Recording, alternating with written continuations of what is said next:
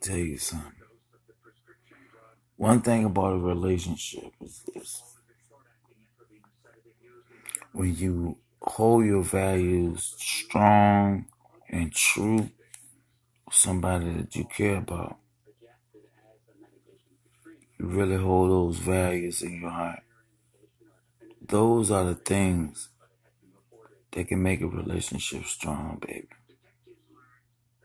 See, when a man, see, if you've been deprived so much in your life about relationships and the downfall and the downslide of a relationship because you've been hurt so much within the guidelines, man put his hands on you, which he should never do.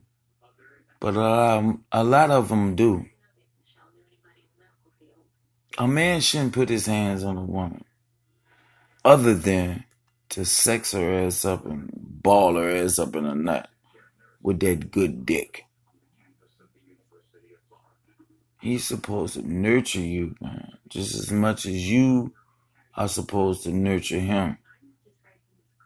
If you don't have those guidelines, you will not have a successful relationship.